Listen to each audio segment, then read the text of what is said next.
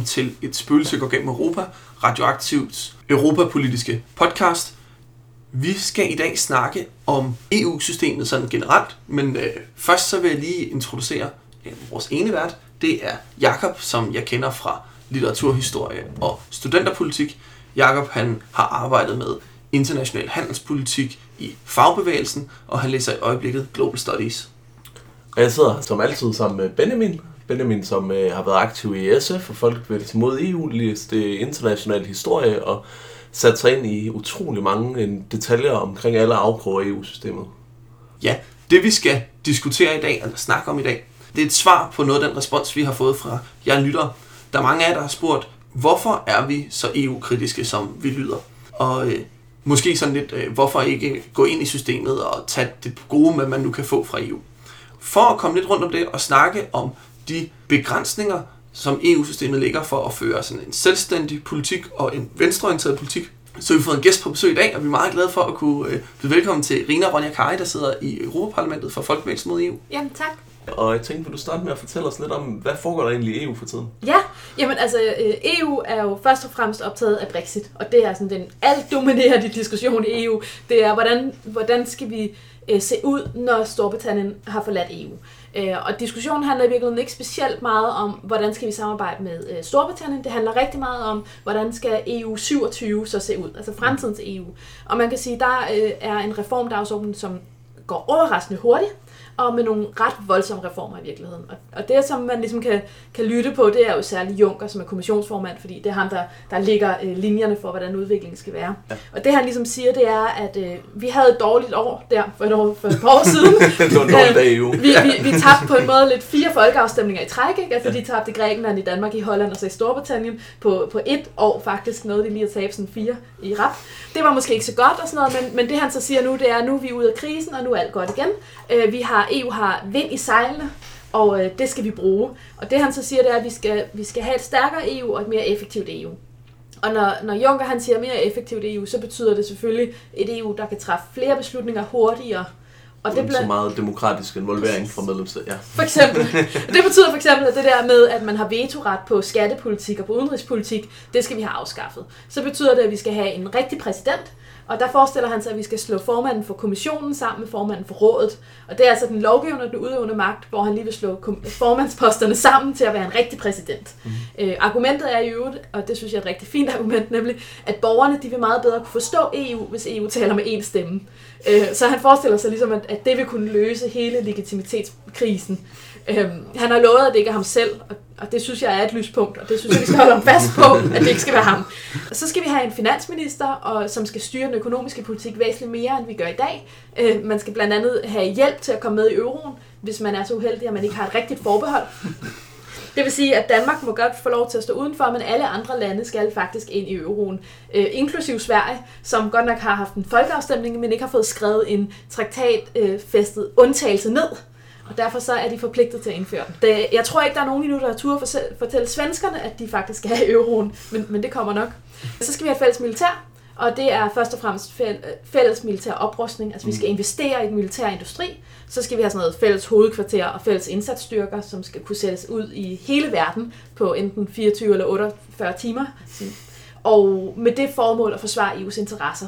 Og det er særlig interessant der at bemærke, at det ikke inkluderer et FN-mandat. Øh, det er mm. altså EU's interesser, som skal kunne forsvares af militæret.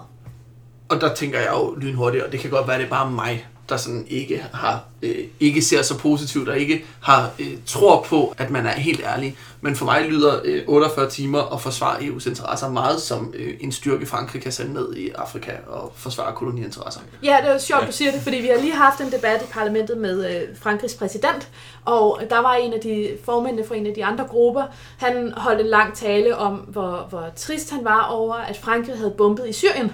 Hvorefter han tilføjede, at han ville jo virkelig gerne have set, at det var EU, der havde bombet Syrien. og det er ligesom om, at, at i logikken i dernede, der er, der er det mere legitimt, hvis det er EU, der bomber, end hvis det er Frankrig, der gør det. Øh, Jeg kunne forestille mig, at de syriske børn er lidt ligeglade. jeg kunne forestille mig, at de er ret ligeglade med, hvem det er, der sender bomberne. Og øh, i det hele taget siger det også noget sådan meget tydeligt om, hvad er det for en mentalitet, der ligger bag ved det her øh, ideen om det her militær. Ikke? Så man kan sige, at det er ligesom den retning, og det er sådan fuld steam ahead. Øh, det skal gå stærkt. Det, tanken er, at vi skal konkludere på alle de her reformer umiddelbart efter næste parlamentsvalg, det vil sige om et år. Ja. Det, som er særligt værd at bemærke, det er, at man kan indføre det hele med den nuværende traktat. Og det er jo faktisk en ting, som, som EU-eliten, de går og klapper hinanden på skulderen lidt og siger sådan, godt arbejde. Altså Lissabon-traktaten, den var simpelthen, den ramte lige præcis plet. Fordi alle de her reformer, dem kan vi indføre fuldstændig uden at ændre et komma i traktaten, og dermed også uden at risikere at skulle spørge nogen borgere. Mm. For der er ikke nogen folkeafstemninger, hvis ikke der er nogen traktatændringer. Øh, og det er selvfølgelig rigtig dejligt, hvis man har tabt fire folkeafstemninger i træk, og er lidt ked af det. Det er måske sådan lidt mere kedeligt for, for resten. Øh, For Danmark betyder det selvfølgelig, at vi ikke kan være med i øh, hele den militære del, fordi vi har et forsvarsforbehold, og det, det sikrer os faktisk sådan rimelig fornuftigt imod at være med i det. Mm. Så det er den store sådan, diskussion om i virkeligheden, hvad er det, EU skal og kan i fremtiden. Som sådan en detalje, så har de også nedsat en arbejdsgruppe, der skal se på nærhedsprincippet og på, om EU skal bestemme noget mindre på nogle områder. Mm. Fordi de ved jo godt det der, EU står på de store ting og små på de små ting. Indtil videre er det ikke lykkes arbejdsgruppen at finde noget som helst overhovedet. Ingen et komma som EU måske ikke skulle blande sig i. Okay. Så, så, men til gengæld har de fundet alt det der, de havde brug for at blande sig i. Le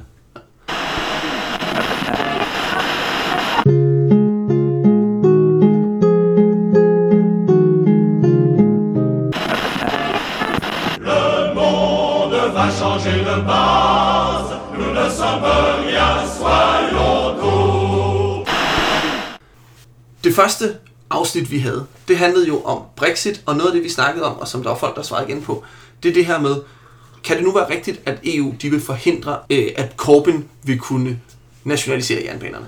Ja. Det korte svar er ja. faktisk. Altså EU har jo øh, faktisk fire jernbaneparker nu, og øh, det er meget klart, at, at det, der står i de jernbaneparker, det er, at man skal øh, privatisere driften af togpersonal, eller hvad hedder det, af, af drift af af togene. Og det betyder dels, at man skal adskille sådan selve det at have sporene og det at køre på sporene. Og sådan er det jo i Danmark i dag med allerede. Bane Danmark, der har sporene, og Præcis. DSB med flere, der kører. Og, og jo med nogle ret store skænderier. Altså jeg ved ikke, hvor mange gange I har oplevet, at toget er forsinket, og så får man at vide af DSB, at det er også Bane Danmarks skyld, og Bane Danmark siger, nej, det er DSB's skyld, og så kan de Ja. ligge og skændes lidt om det. Øhm, men, men den anden del af det, der ligger i jernbanepakken, er sådan set også, at vi skal spalte driften af togene op i mindre bidder, sådan så at alle virksomheder, eller mindre virksomheder, også har muligheder for at byde ind og sige, den her del af togdriften, den vil vi faktisk gerne overtage. Jeg ved ikke, om, om EU har kigget på Arriva og tænkt, ej, hvor er det synd for dem, at de er små. Men, men i hvert fald så er ideen ligesom, at, at man skal dele det op i små bidder, og så skal det hele være udliciteret, sådan så at alle har mulighed for at byde på, på alle dele. Også S-togene for eksempel. Så der kommer et ret stærkt sådan, privatiseringspres på jernbaneområdet der fra EU. Jamen, det er jo ikke bare et pres, det er et krav. Ja. Altså, det skal ske, og det skal ske fra 2020. Det er ikke noget med, at, vi kan overveje, om vi har lyst til det. Det skal vi gøre. Og det er jo noget af det, vi også kan se i sådan dansk politik. Altså det var jo sådan meget sådan engelsk kontekst. Vi havde snakket om det, hvor man har været langt fremme med det her til stor frustration for de fleste englændere, er mit indtryk. Mm. Øh, men i dansk kontekst har vi også set diskussioner om, at øh, S-togene skal sendes i øh, udbud, selvom det sådan er, er guldkalven for DSB. Men jo også kan man jo have en diskussion om, apropos al den her debat om udkants Danmark, hvad vil konsekvensen egentlig være af at privatisere de danske jernbaner? Altså som jeg ser det, så vil det være, at den bedste udfald kunne være, at det bliver billigere at køre mellem København og Aarhus, og så bliver alle andre ruter dyrere. Mm. Ja, altså hvis man kigger på de britiske erfaringer, så kan man sige generelt set, så blev det dyrere for alle og dårligere for alle. Øh, og i øvrigt også dårligere at være ansat. Øh, altså, så derfor var det i virkeligheden sådan en øh, lose-lose-lose situation for, for den britiske togdrift. Ikke? Og man kan sige, man kunne godt frygte, at der er nogle strækninger, som man kan tjene penge på, som de private virksomheder derfor vil være rigtig glade for, og så vil de nedprioritere alle de mindre strækninger, hvor der måske ikke er lige så mange, der kører, eller hvor de ikke er lige så klar til at betale penge for det. Øh, Og det er klart, at det betyder jo, at udkants Danmark i virkeligheden risikerer at tabe endnu mere og blive endnu mere afspaltet fra resten af Danmark. Ja, det er jo sådan et aspekt, hvor man kan sige, at vi har tvangsliberaliseringer eller forbud mod øh, nationaliseringer mm. i EU-systemet på jernbanen. Gælder det også andre områder?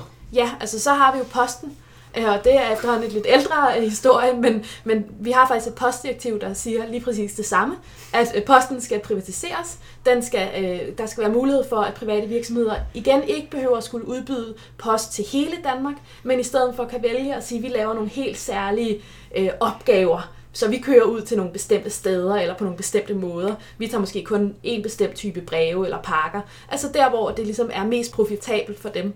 Og det kan vi jo altså også se allerede i Danmark. Øh, I Norge var der kæmpe modstand mod postdirektivet. Lige præcis fordi Norge jo også er ret stort og øh, tyndt befolket i visse dele. Mm. Øh, og derfor var man rigtig bekymret for, hvad der ville ske ved udkants Norge. Altså ville man simpelthen ikke kunne få leveret breve, eller ville det blive ekstremt dyrt? Øh, ville det blive en, en ekstremt dyr og dårlig løsning? Jeg prøver at tænke, hvis man øh, kun kunne få leveret breve for eksempel en gang om ugen, ja. det var rigtig dyrt og dårligt. For eksempel, det ville være fuldstændig utænkeligt, ikke? Ja, præcis. Og derfor så havde man faktisk et, et flertal i, i det norske storting, der sagde nej og ville nedlægge veto. Og så havde man desværre et, et valg imellem, og den nye øh, borgerlige regering er meget begejstret for det, og har derfor sagt ja alligevel til postdirektivet. Men altså, det gælder allerede i Danmark også. Det skal være øh, udliciteret, privatiseret øh, og spaltet op i dele. Og så er der så selvfølgelig for at være sikker på, at vi får vores post nogle regler i det der postdirektiv om, at der skal leveres post ud mindst tre gange om ugen, og der skal ligesom være sådan nogle minimumsgrænser øh, for, hvad man kan forvente. Men grundlæggende er det øh, tvangsliberalisering igen, og jo noget, hvor vores politikere dermed heller ikke kan gå ind og lave det om igen. Altså, det skal være sådan. Det var at sige, mange af de, øh, hvad skal man sige, ja, frustrerende, øh, der, er mange, øh, der har været meget kritik af PostNord, hele privatiseringen og af togdriften og sådan noget, men det er egentlig øh, styret direkte fra EU, ud af hænderne på os her. Ja, Så altså man kan sige, på snor behøver måske ikke at være sådan nogle idioter, som de er til at drive. Altså, man, man kunne godt forestille sig, at de leverede bedre service, end, end de gør, ja, også klart. inden for rammerne. øhm, Ja. men, men det er rigtigt, at ideen om, at det skal være privatiseret, den kommer fra EU's side af, og- og den kan vi ikke lave om på.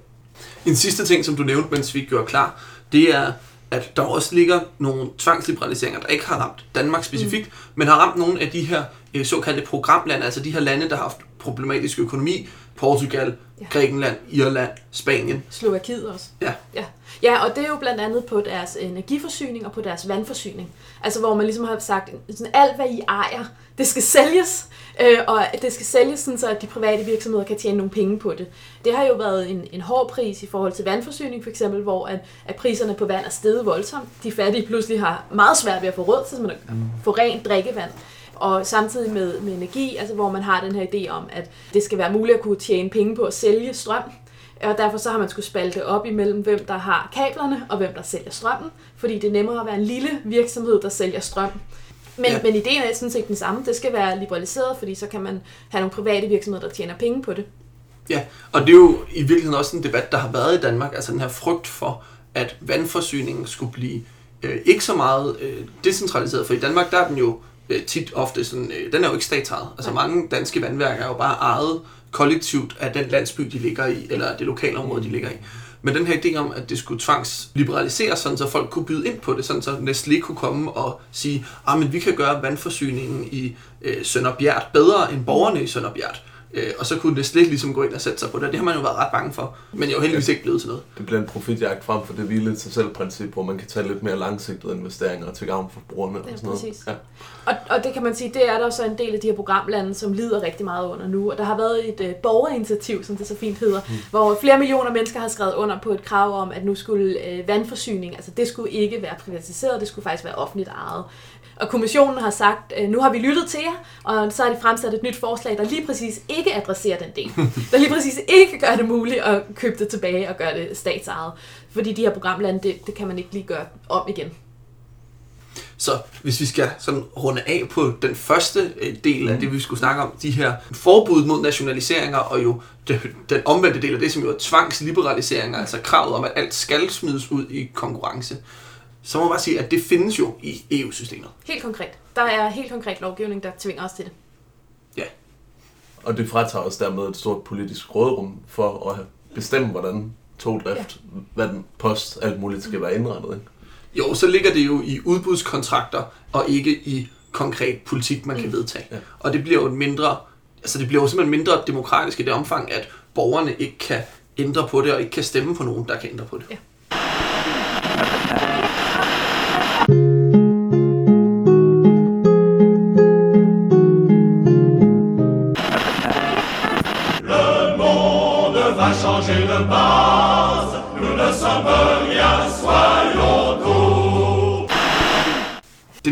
Vi skulle prøve at tage en snak om, det er det her med begrænsningerne for den offentlige finanspolitik. Altså, hvad kan man egentlig bruge penge på som offentlig myndigheder som, som stat eller som kommune? Og ligger der nogle begrænsninger i EU-systemet på, hvad vi kan bruge af penge, og hvordan vi kan gøre det? Ja, og man kan sige, det kommer jo i virkeligheden helt tilbage fra 90'erne, hvor man indførte det, der hedder vækst- og stabilitetspakten, som har sådan nogle øh, overordnede regler om, hvor stort øh, må underskud være på de offentlige finanser, altså på finansloven, og hvor stor en gæld må man have i forhold til, hvor stor ens økonomi er. Og de regler har været, hvad skal man sige, ret omdiskuteret i mange år i virkeligheden. Op igennem nullerne var der øh, en del lande, som ikke overholdt en del store lande, som ikke overholdt reglerne, men hvor man lidt fra EU's side sådan klappede dem lidt på skuldrene og sagde, det skal nok gå alligevel, øh, specifikt Frankrig og Tyskland. Øhm, hvorimod, da der så var nogle små lande, der kom lidt i problemer med de samme regler, så fik man at vide, at hvis ikke man øh, rettede ind med det samme, så ville øh, fars hammer falde meget, meget hårdt. Det var der en meget stor sådan, diskussion om, om det rimelige i. Og så kom finanskrisen og den økonomiske krise, og øh, så fik vi finanspakten og Europluspakten. Og finanspakten er i virkeligheden, altså den har nogenlunde de samme regler, altså 3% må man have i underskud på finansloven, og så har de sådan en strukturelt underskud, der skal være endnu mindre, og så har de nogle regler om, hvor stort gælden må være. Og det er klart, at det betyder jo selvfølgelig ikke, at man ikke kan bruge penge fra den offentlige side. Man kan jo hæve skatterne for eksempel, så har man flere penge, man kan bruge. Men det betyder, at du ikke kan føre sådan en klassisk økonomisk øh, politik, hvor man sætter gang i hjulene. Altså i en krisesituation, hvor man har lyst til at bruge væsentligt flere penge, end man i virkeligheden får ind, fordi man gerne vil have skabt flere arbejdspladser, man gerne vil have en, en fremdrift i økonomien. Og det må man altså igen for de her regler. Så hvis man besluttede sig for at øh, have taklet krisen på en lidt anden måde, end vi gjorde i Danmark, og investere mere og øh, ja, føre en mere offensiv finanspolitik, hvad vil der så ske konkret? Jamen, så skulle du hæve skatterne samtidig, ikke? Sådan, ja. så du kunne, og dermed vil du i virkeligheden modvirke effekten af at, at sende penge ud i, i samfundet. For Danmark er det sådan, at vi ikke kan få nogen bøder, altså så man kan sige, vi har underskrevet, at vi vil følge reglerne, men der er ikke nogen hård konsekvens, hvis vi ikke gør det. For eurolandet derimod, så er der en, en rimelig hård konsekvens. Hvis man er et land, der har en, en dårlig økonomi set med kommissionens øjne, så kan man øh, ende et sted, hvor man får bøder. Og udover at man kan få bøder, så kan man også øh, miste tilskud. Øh, og det, det er simpelthen det er struktureret sådan, mm. så man siger, hvis I skal have for eksempel regionalt tilskud til udvikling af et eller andet område, så skal I samtidig leve op til de her strukturreformer. Og hvis ikke I gør det, så får I ikke det her tilskud. Det vil sige, man kan få bøder og en anden slags bøder i virkeligheden. Ja. Men det er jo ret interessant i forhold til sådan at se på, hvad der skete i forbindelse med finanskrisen, mm. hvor man i amerikansk politik jo førte en helt meget mere offensiv keynesiansk strategi. Altså yeah. Obama-regeringen smed jo mange flere penge ud i systemet, de smed også mange penge ud til de der banker og sådan mm. nogle ting. Men, men, men der blev smidt penge ud i systemet på forskellige måder, og der er jo meget, der tyder på, at USA jo kom over finanskrisen lettere end Europa mm. gjorde, fordi de havde lov til at føre den her politik. Yeah. Og der er det jo interessant at sige, at vi ikke bare ikke førte den, den politik, der måske kunne have været den bedste at føre i situationen, men vi også vedtog et forbud for os selv for at føre den politik. I virkeligheden førte vi jo en kontraproduktiv politik. Ikke? Altså i rigtig mange af de sydeuropæiske lande, hvor man skar så voldsomt ned på de offentlige udgifter, betød det jo også, at man skabte en kæmpe stor arbejdsløshed. Og det vil sige, at man bare året efter pludselig mistede mange flere skatteindtægter, end man ville have fået, hvis man ikke havde skåret ned. Øh, og havde mange flere udgifter til de arbejdsløse. Og dermed så fik man i virkeligheden lavet en ond cirkel, hvor at, at økonomien bare gik nedad i sådan et, øh, det blev værre og værre og værre for hvert år. Og det er jo en konsekvens af at føre den type økonomisk politik. Ja, det vil også i høj grad noget af det, som i hvert fald jeg har sådan af principielle problemstillinger med, med EU-systemet. Det her med, at man regelfastsætter politik. Ja. Altså at ja. de ting, der burde være politiske, noget vi kan stemme om, noget vi kan ændre, når det bliver nødvendigt, dem sætter vi fast i nogle, om ikke uforanderlige, så meget svært foranderlige regler, og så låser vi fast. Ja. Mm. Og det man jo skal huske lige præcis der, det er, at for at ændre de her regler, altså fordi tit så får jeg sådan at vide, sådan, kunne I ikke bare, altså kunne I ikke bare lave dem om? Jo, nu skal I høre, vi skal lige have valgt øh, progressive regeringer i 28 forskellige lande på én gang. Vi skal lige have valgt en ny kommission, og så skal vi have et flertal i EU-parlamentet, der vil acceptere det. Det skal alt sammen ske på én gang, før man kan få ændret det. Så det vil sige, at vi kunne have 26 progressive regeringer i Europa, der stadigvæk ikke ville kunne ændre noget som helst, fordi de er altså bundet op på de her traktater. Og lige nu er finanspakten stadigvæk mellemstatslig for os, og det vil sige, at Danmark kunne faktisk vælge øh, og træde ud igen. Øh, det danske folketing kunne vælge at sige, vi træder ud, og så træder man så ud efter et år. Men det, der sker nu, det er, at kommissionen har fremsat et lovforslag for at få skrevet det ind i, i EU-lovgivningen, sådan så at man så at sige vælger en gang for alle. Det er jo sådan, at alle eurolande er selvfølgelig underlagt, uanset hvad. De kan ikke vælge at træde ud, men, men vi fik faktisk valget. Det vil sige, om inden for det næste år kommer Danmark til at skulle vælge, om vi vil være med i den nye udgave af Finanspakten. Og der er det altså sidste gang, vi vælger, så at sige. Hvis vi siger ja. Hvis Så vi er siger nej, så kommer vi selvfølgelig til at kunne vælge igen, hvis vi får lyst. Det er klart, så klart det var. Ja. Men det er egentlig meget spændende, fordi det er også, øh, altså på den måde så er EU også med til at indskrænke, tænker jeg, det politiske rum. Altså man kan tit rende rundt i Danmark og tænke, øh, der er godt nok mange offentlige nedskæringer, og det virker som om det er ret svært at bare en lille smule forføre den anden politik mm. hele vejen siden krisen minimum, ikke? Og det politiske rum er ret snævert, eller Ja. sådan, hvad kan vi overhovedet rigtig forestille os, nogle alternativer, eller en fundamental anden politik. Men det er simpelthen også en, en indsnævring, Ja. som vi bliver, der bliver presset ned over os, Jamen, via de aftaler, vi har deltaget i. Og man kan sige, det betyder også, at politisk udspil i Danmark bliver målt op imod, hvad er realistisk inden for EU. Ikke? Jeg kan huske folketingsvalget 2011, hvor Socialdemokratiet havde sådan en økonomisk plan, og hovedargumentet fra Venstre, det var, det der lever ikke op til EU's regler. Men hvad er det for en demokrati, vi har, når hovedargumentet imod et politisk udspil, det er, det lever ikke op til EU's regler, i stedet for, at man tager en diskussion om, at det her er en god økonomisk politik, eller er det en dårlig, eller kunne vi tænke os den på en anden måde, ikke? De siger også meget om Socialdemokratiet i 2011, at deres svar på Venstres kritik, den lever ikke op til EU's regler, ikke var, og hvad så, vi vil føre god politik for Danmark, vi vil ikke overholde kommissionens krav, men i stedet, og det kunne de jo have sagt, og så havde de jo øh, vundet valget stort, mm. men så valgte de i stedet for at sige, jo, det gør så, når Ja. vi regner på den måde, vi har lyst til. Øh, altså, altså den, det er jo sådan en helt... Øh, Det er en Ja, meget det- selvvalgt øh, spændetrøje, ikke? jo, præcis, det er jo det, og det er jo en... Øh, Ja, en selvvalgt spændetrøje, men som, men det du siger jo, mm. er en, en spændetrøje, som den nuværende eller muligvis den kommende regering kan træffe for øh, alle danskere, indtil ja. vi melder os ud af EU på et tidspunkt. Ja. Og det synes jeg jo er noget af det, der er problematisk, det her med, at, at så er der lige et flertal af, af en regering, der i det her år kan bestemme, hvordan vi skal føre politik om 15 år. Om- Altså, finanspakten er jo i øvrigt ikke kun Socialdemokratiets, øh, altså det er jo også SF, altså så vi i virkeligheden har vi jo alle EU-partierne, der har været med til samlet at sige, vi overlader den økonomiske politik, eller de økonomiske rammer, der accepterer vi bare, det EU's regler, der skal være rammerne for, hvad vi kan og hvad vi må i Danmark. Det synes jeg, jeg var, jeg var stadig, jeg er stadigvæk lidt skuffet, må jeg indrømme, over at SF også gik med på den, fordi jeg synes egentlig, at Venstrefløjen har et ansvar for at sige, vi kunne godt tænke os at diskutere økonomisk politik på nogle andre måder, end bare på EU's præmisser. Hvad med øh, bare ren nysgerrighed, Liberal Alliance? Jamen spørgsmålet om de overhovedet fandtes dengang, det gjorde de ikke. Nej, Så nej. det, Nej, men det, men det er jo sådan lidt interessant, for ja. De har også en tendens til nogle gange godt at vil have lidt mere frihed fra ja, de der EU-rammer. til gengæld så, så kan man sige, at den økonomiske politik, der ligger i EU's rammer, ligger jo sådan rimelig tæt på Liberal Alliance. Så spørgsmålet er, om man ikke bare vil acceptere den. Men jeg har ikke hørt dem sige noget om det nogensinde. Nej. Det må Det er også, hvad de ikke ved, det findes.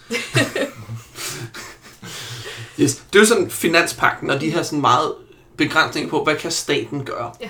Men der ligger også nogle andre sådan økonomiske begrænsninger, og en af dem ligger jo i det her, øh, som har været meget aktuelt lige her på det sidste, nemlig de offentlige overenskomstnedskæringer. Og der er jo lyttet fra i hvert fald visse steder også, at der også er nogle EU-ting, der påvirker de overenskomstforhandlinger, der foregik her i foråret. Ja, altså dels er der selvfølgelig det med de økonomiske rammer, ikke? Altså, hvor man ligesom siger sådan, hvor, hvor stort må underskuddet i det hele taget være på vores finanslov. Den anden ting kommer så fra det, der hedder Europluspakten, øh, som, eller i virkeligheden handlede den om konkurrence, og til at starte med hed den sådan et eller andet konkurrenceevnepakten, og så tænkte de, ej, det lyder for skræmmende, så nu omdøber vi det til EU plus pakten, og den kigger på, hvordan kan vi øge konkurrenceevnen i EU-landene, og det er, sådan, det er sådan set formålet. Og så lister den sådan en række forskellige måder, landene de kan øge konkurrenceevnen. Og en af de ting, der særligt bliver lagt vægt på, det er lønudviklingen. Og der har man så sådan en paragraf, hvor man siger, at medlemslandene de skal holde øje med de offentlige ansatte, de skal have sådan en løntilbageholdenhed. Øh, ikke så meget af hensyn til de offentlige ansatte, men af hensyn nej, til de private ansatte. som offentlig ansat, så skal man ikke have løntilbageholdenhed for min skyld. Nej. Altså, jeg kan fint leve med, at jeg får Du vil godt løn. leve med det. Men, men du skal tænke på, at du har en privat kollega, eller en ansat, der er ansat i det private, som kunne kigge på dig og blive misundelig. Og derfor så er tanken i det her, det er, at hvis de offentlige ansatte får en højere løn, så vil de private ansatte kræve det samme, og det vil ødelægge konkurrenceevnen. Fordi at nu højere løn de private ansatte får, nu dårligere har konkurrenceevnen, sådan i en meget sådan forsimplet udgave. Og det er sådan set det, der står i den traktat, det er, at det skal vi have særlig fokus på. Det kan ikke lige nu sådan håndhæves med bøder. Altså, det er en traktat, vi har skrevet under på at leve op til den. Vi har forpligtet os til at gøre det, men der er ikke nogen konsekvenser lige nu, hvis man ikke gør det. Øh, Det, der til gengæld tanken, det er fra kommissionens side, at den skal ligesom genopleves med noget mere magt. Fordi de har jo efterhånden lært, at der er nogle lande, der ikke følger reglerne, hvis ikke de bliver slået i hovedet for at gøre det. Og derfor så vil kommissionen komme med et forslag om, hvordan kan vi gøre den her stærkere. Men, men den økonomiske politik i det er jo ret klar, ikke? Mm. Løn tilbageholdenhed. Hele vejen over. Ja, og som jeg forstår det, så er det jo ikke kun et aspekt om, at de private ikke skal stige løn, men også om, at der, skal, der er sådan et konkurrenceforhold ja. mellem det private og det offentlige. Og du sagde det her med, at hvis jeg nu fik med det, så kunne det være, at der er nogle private, der blev jaloux og ville søge over og tage mit job fra mig. Men det er jo i høj grad også et ønske om, at jeg som ansat i det offentlige skal have lyst til hellere at vil være ansat i det private, hvor der bliver skabt værdi og sådan nogle ting, i stedet for at være hos mig, hvor jeg bare underviser gymnasieelever og sørger for, at de bliver klar til at tage del i samfundet. Jamen, det afspejler i hvert fald sådan en, hvad, hvad mener vi har værdi, ikke? Altså, de offentlige ansatte, de, er sådan lidt, øh, de, de har en lidt lavere værdi på en eller anden måde. De offentlige opgaver på en eller anden måde får en lavere værdi i det her øh, EU-værdisæt. Hvorimod de private er dem, der sådan, ja, er de gode? Det er dem, der tjener pengene. Ja. Øh, og det er jo sådan set en ret kedelig måde at se på det på. Det er i hvert fald en meget for simpel måde. Altså, jeg forstår jo godt præmissen i, at der skal produceres noget, og der skal sælges noget, og der skal, altså, sådan en ren øh, old school marxistisk værdifølelse skal mm. ske et sted, og det gør der jo ikke i min gymnasielærergærning. Men det bliver meget nemmere at skabe værdiforøgelse i fremtiden, hvis der er nogle dygtige lærere, ja. og hvis der er velfungerende sygehuse og plejehjem og alt det der. For eksempel er den private sektor i Danmark ret glad for vores offentlige sektor, på den der måde med, at vi, vi understøtter, at der kommer nye kloge mennesker ud, ikke? og øh, man kan blive helbredt, hvis man bliver syg, og alle de der ting.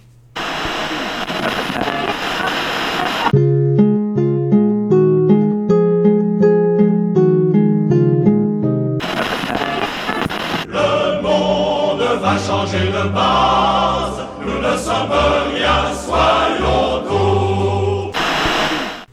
Men øh, nu har vi været inde på nogle forskellige ting, både noget at politisk styring af, hvad må man egentlig i det hele taget øh, lave af lovgivning, og, øh, og så nogle, altså, hvilke rammer EU sætter ned for, hvilken økonomisk politik vi kan føre. Men der er også noget med noget, der hedder landespecifikke henstillinger, hvor de går ind mere til direkte på nogle anbefalinger Ja. i forhold til enkelte lande. Ikke? Jo, altså det er jo sådan, at vi har det, der hedder det europæiske semester, og det er simpelthen et, et forløb over hele året, hvor kommissionen starter med at kigge på alle landenes økonomier, gennemgår, hvordan ser det egentlig ud, så laver de nogle øh, henstillinger, landespecifikke henstillinger til, hvad skal vi egentlig lave om med vores økonomi. Øh, og det, altså de typiske henstillinger, det er jo sådan noget med, øh, I skal gennemføre øh, dagpengereformen for eksempel, eller der skal ske noget på folkeskoleområdet, eller øh, der skal, Sverige har engang fået en, der hed, at deres mindsteløn var for høj.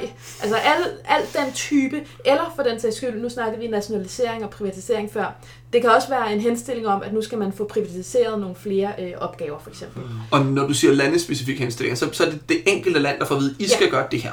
Kommissionen, når de har gennemgået, hvordan ser dit lands økonomi ud, så kommer de med de her henstillinger og siger, for at gøre jeres økonomi bedre, så skal I lave de her ting.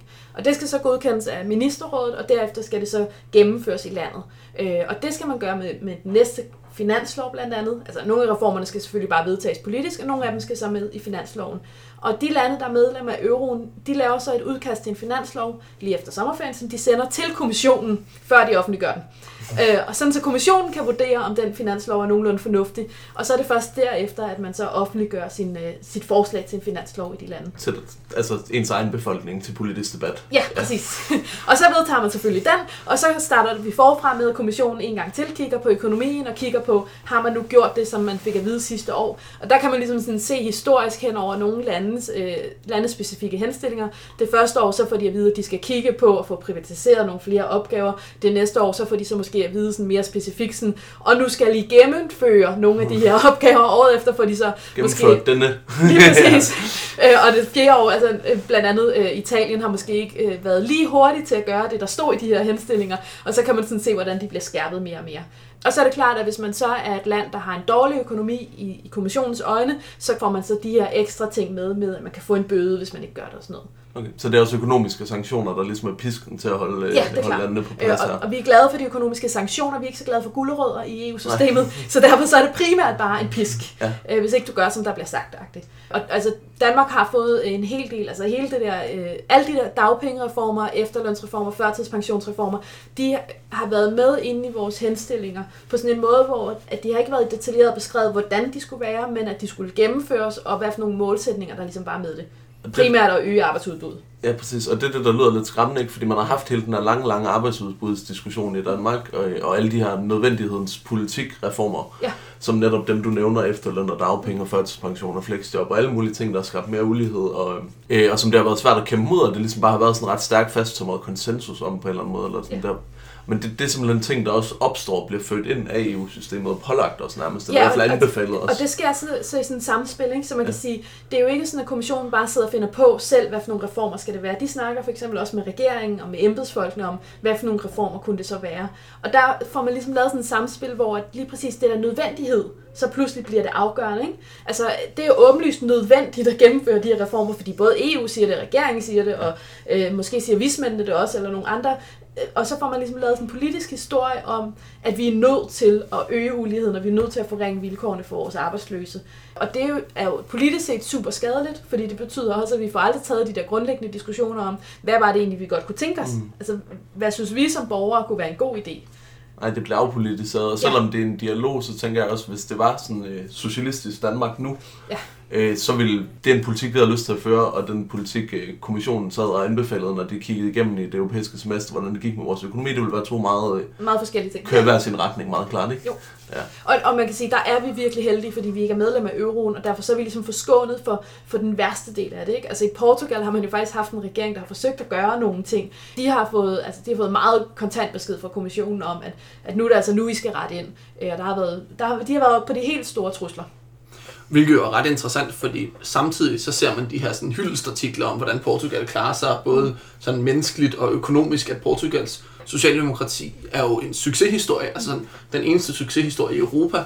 Faktisk, ja. Ja, altså der er jo, ja, danske socialdemokrater mener også, at Mette Frederiksen er en succeshistorie. Det synes jeg, hun måske skylder at vise nu, at hun er. Øh, Men det er jo ikke, det er jo heller ikke, det er jo ikke vild socialisme, der er blevet gennemført i Portugal. Altså, Nej. men det, det er et, et nej til den linje, der er blevet lagt fra øh, kommissionen, fra EU-systemet og fra sådan den nyliberale økonomiske konsensus. Og så får man at vide, det må I ikke, I må ikke selv bestemme over jeres politik. Og jeg synes jo godt, man også kunne vende den om og sige sådan, okay, så det her det er, jo, det er jo grundlæggende et problem for vores demokrati, men kunne man ikke godt have forestillet sig, at vi i virkeligheden var med i et andet europæisk samarbejde, hvor det var noget helt andet, ikke? Altså tænk nu, hvis det ikke var sådan, at hvis vi gerne ville føre socialistisk politik, så skulle man kæmpe op imod kommissionen, op imod de her traktater, men vi i stedet for havde nogle traktater, der gav os rigtig gode muligheder for at føre en anden økonomisk politik. Altså fordi jeg synes tit, jeg, jeg møder sådan venstreorienterede, som er sådan lidt, nå ja, men, men det er jo ligesom det eneste mulighed, vi har, og vi, så er vi jo ligesom nødt til bare at, at bøje nakken. Sådan, altså, vi kunne faktisk godt drømme om at lave europæisk samarbejde, der handlede om, hvor, hvor stærkt et velfærdssamfund vi kunne udvikle. Fordi vi kunne lære rigtig meget. Jeg tror, øh, Socialdemokraterne i Danmark ville have godt af at tage til Portugal og måske blive inspireret der for eksempel. Øh, ikke fordi, at alting fungerer godt, men, men måske ville de kunne få nogle gode idéer. De kunne også tage til Storbritannien og, og lære lidt af det der med at nationalisere jernbanerne for eksempel. Eller, øh, der er mange steder, man kunne blive inspireret med en anden politisk dagsorden. Ja, så er en af konsekvenserne af det her, bliver den her ensretningspolitik, hvor Ja. alle skal gøre det samme. Og det synes jeg jo er problematisk af flere årsager. Altså, der er jo sådan det problematiske i, at det jo ikke er sikkert, at man har lyst til det samme. Altså, det kunne jo være, at vælgerne i et land har lyst til at gøre noget andet, end vælgerne i et andet land, Ja. og så skal de have lov til det. Men der er også sådan et helt principielt og mere sådan grundlæggende problem med, at hvordan finder vi den bedste løsning, hvis der kun er én løsning, der er tilladt? Altså der er noget fornuftigt i at sige, hey nu prøver vi 10 forskellige ting i 10 forskellige lande, og så det der fucker op rigtig hurtigt, så lader vi være med at prøve det, så, find, så drejer vi ligesom ind og gør noget af det, de gør et andet sted, og så på sigt, så finder vi frem til sådan to eller tre gode løsninger, der fungerer på forskellige måder, hvor vi har mulighed for at vælge det, vi har lyst til. Og hvis der sidder nogen i Bruxelles og bestemmer, det er den her måde, tingene skal fungere på fra starten, så er der jo masser af mulige løsninger, vi ikke finder. Ja. Og det er jo også det der med at have lande, der kan være forgangslande. Ikke? Altså så kan man have en progressiv regering i et land, der kunne vise en anden vej og kunne sige, prøv at høre, man kan faktisk også gøre sådan her. Og så kunne vi andre pege på dem og sige, prøv at se en gang, man, man døde ikke af at hæve skatterne for de rigeste, eller øh, verden gik ikke under, da vi mindskede u- uligheden, eller et eller andet. Men lige præcis fordi man insisterer på at køre sådan en ensrettet politik, så bliver det rigtig svært at få lov til at køre som forgangsland, eller lave nogle eksperimenter for at prøve at se, hvordan man også kunne gøre.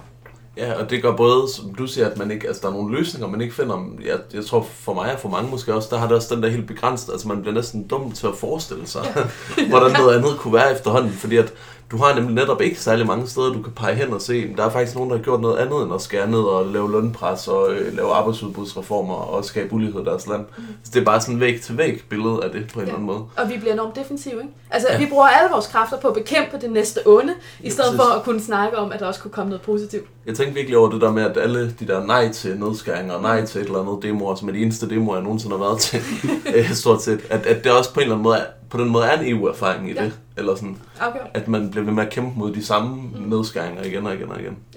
Ja, jeg tror også, jeg synes, det er interessant i forhold til det her, du siger med vores mindset. Altså, hvad er en sejr for venstrefløjen, eller hvad er en sejr for arbejderbevægelsen, hvis vi ser det bredere, ikke? Altså, i forbindelse med de nylige overenskomstforhandlinger, så er vi sådan lidt, ja, det var en sejr. Vi formåede at stå sammen, og så fik vi cirka det, der ville være rimeligt, bortset fra, at lærerne stadig er fugt. Ja. Altså sådan, Og, og, faktisk ikke fik det, der ville være Ja, jeg rimeligt. fik ikke det, der var rimeligt, ikke? men alle os andre, vi fik noget, der ja. kunne være rimeligt. Ikke?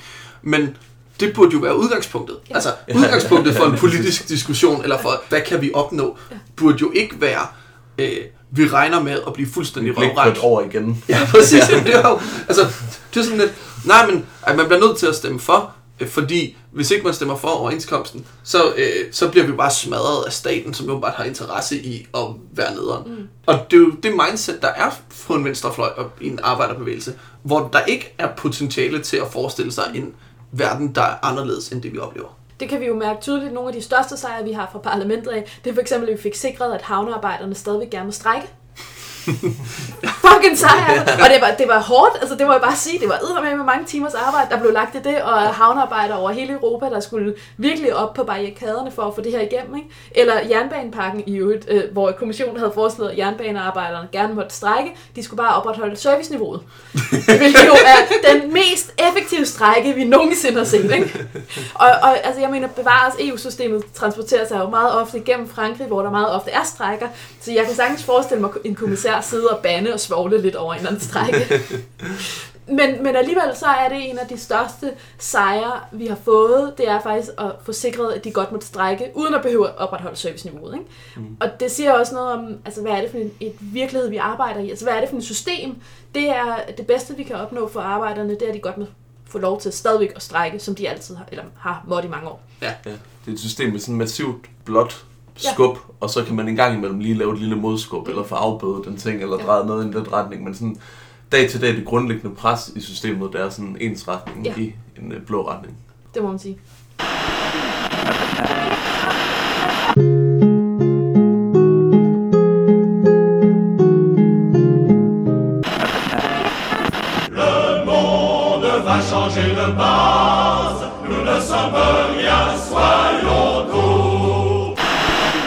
En anden ting, som også er med til at begrænse eller inddæmme, hvordan vi må øh, føre økonomisk politik, det er øh, den her nye generation af handelsaftaler. Jeg ved ikke, hvor nye de er, men altså efter Doha-runden ligesom øh, slutter, og WTO ikke får lavet verdenshandelsreglerne, formodet det, blandt andet fordi de ser ud til at blive meget skæve og trælse, så kommer der de her CETA og TTIP og EU øh, og indgår med USA og med Kanada og med andre lande sådan mere øh, bilateralt.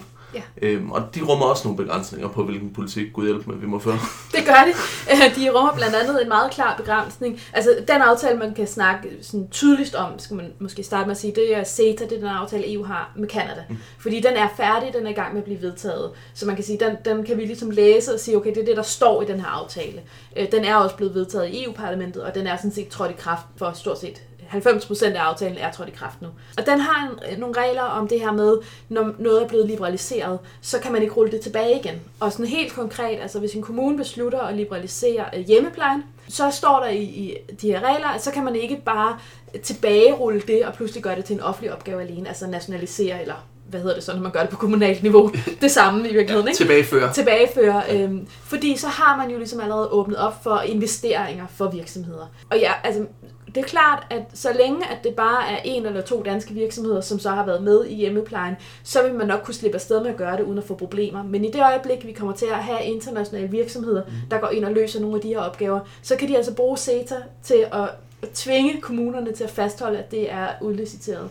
Og lige præcis hjemmeplejen er et godt eksempel, fordi det også er et af de steder, hvor vi har oplevet rigtig mange konkurser. Mm. Og hvor man kan sige, altså konsekvensen af at liberalisere øh, hjemmeplejen i kommunerne har været, at den har for det første været dårligere langt hen ad vejen. Arbejdstagerne har haft nogle dårligere vilkår, øh, mange steder i hvert fald. Og at når de er gået konkurs, hvilket de har gjort rigtig mange steder, så har de offentlige udbydere været nødt til at gå ind og redde røven. Ikke? Fordi man kan sige, at du kan ikke bare lade de gamle mennesker øh, leve uden hjemmepleje i et par uger.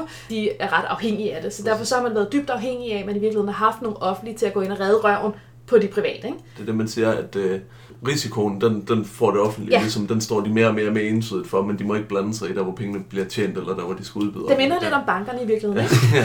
Bankerne må tjene alle de penge, de vil. Når det går galt, så kommer vi og redder røven på dem.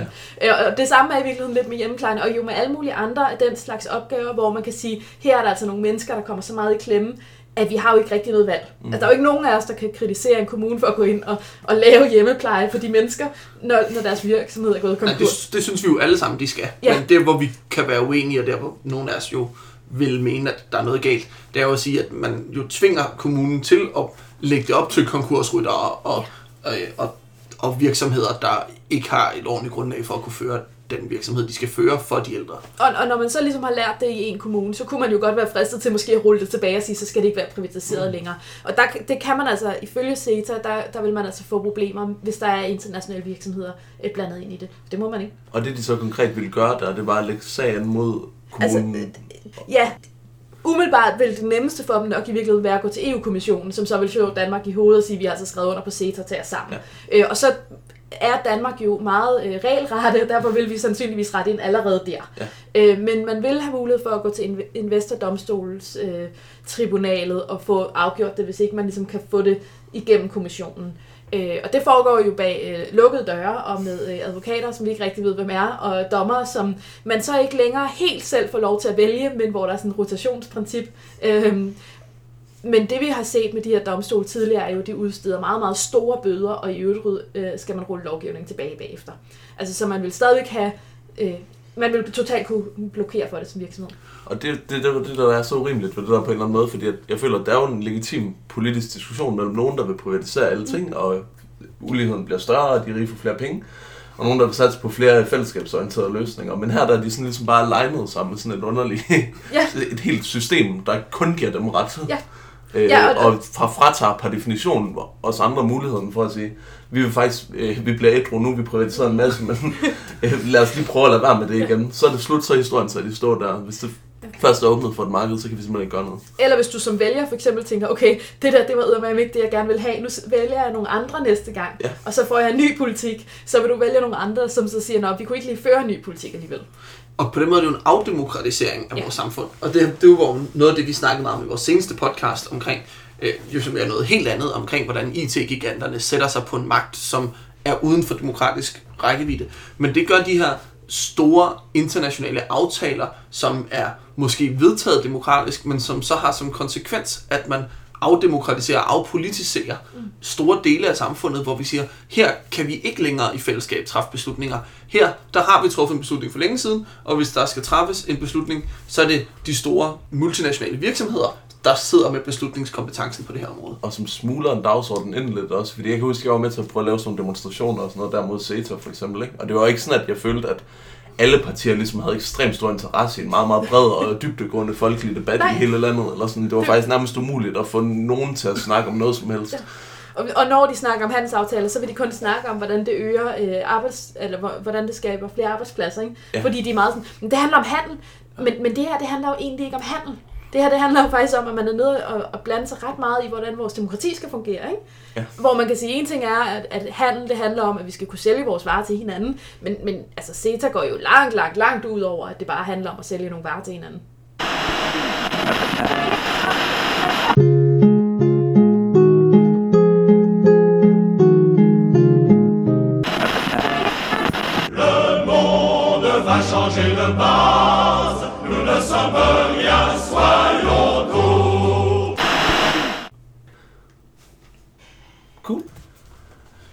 Ja, det var øh, det her afsnit af et spøgelseprogram Europa med fokus på, hvad er det egentlig for nogle ting i EU-systemet, der begrænser vores mulighed for at føre selvstændig politik i Danmark og socialistisk politik. Så mange tak til dig, Rina. fedt, at du kunne komme forbi, og held og lykke med øh, at blive valgt til Europaparlamentet igen her øh, næste år, hvor der allerede lige om lidt er Europaparlamentsvalg. Ja, næste måned så håber jeg, at I vil høre med, hvor vi tager et nyt emne op. Ja, det er lige før valget i Tyrkiet, så vi øh, vil behandle den politiske og historiske situation i Tyrkiet nu. og hvilken rolle det spiller i forhold til europæisk politik og demokratidebat og alle de her ting, vi gerne snakker om hos Radioaktivs Europapodcast, et spøgelse gennem Europa. Vi håber, I vil høre med næste måned. Vi ses.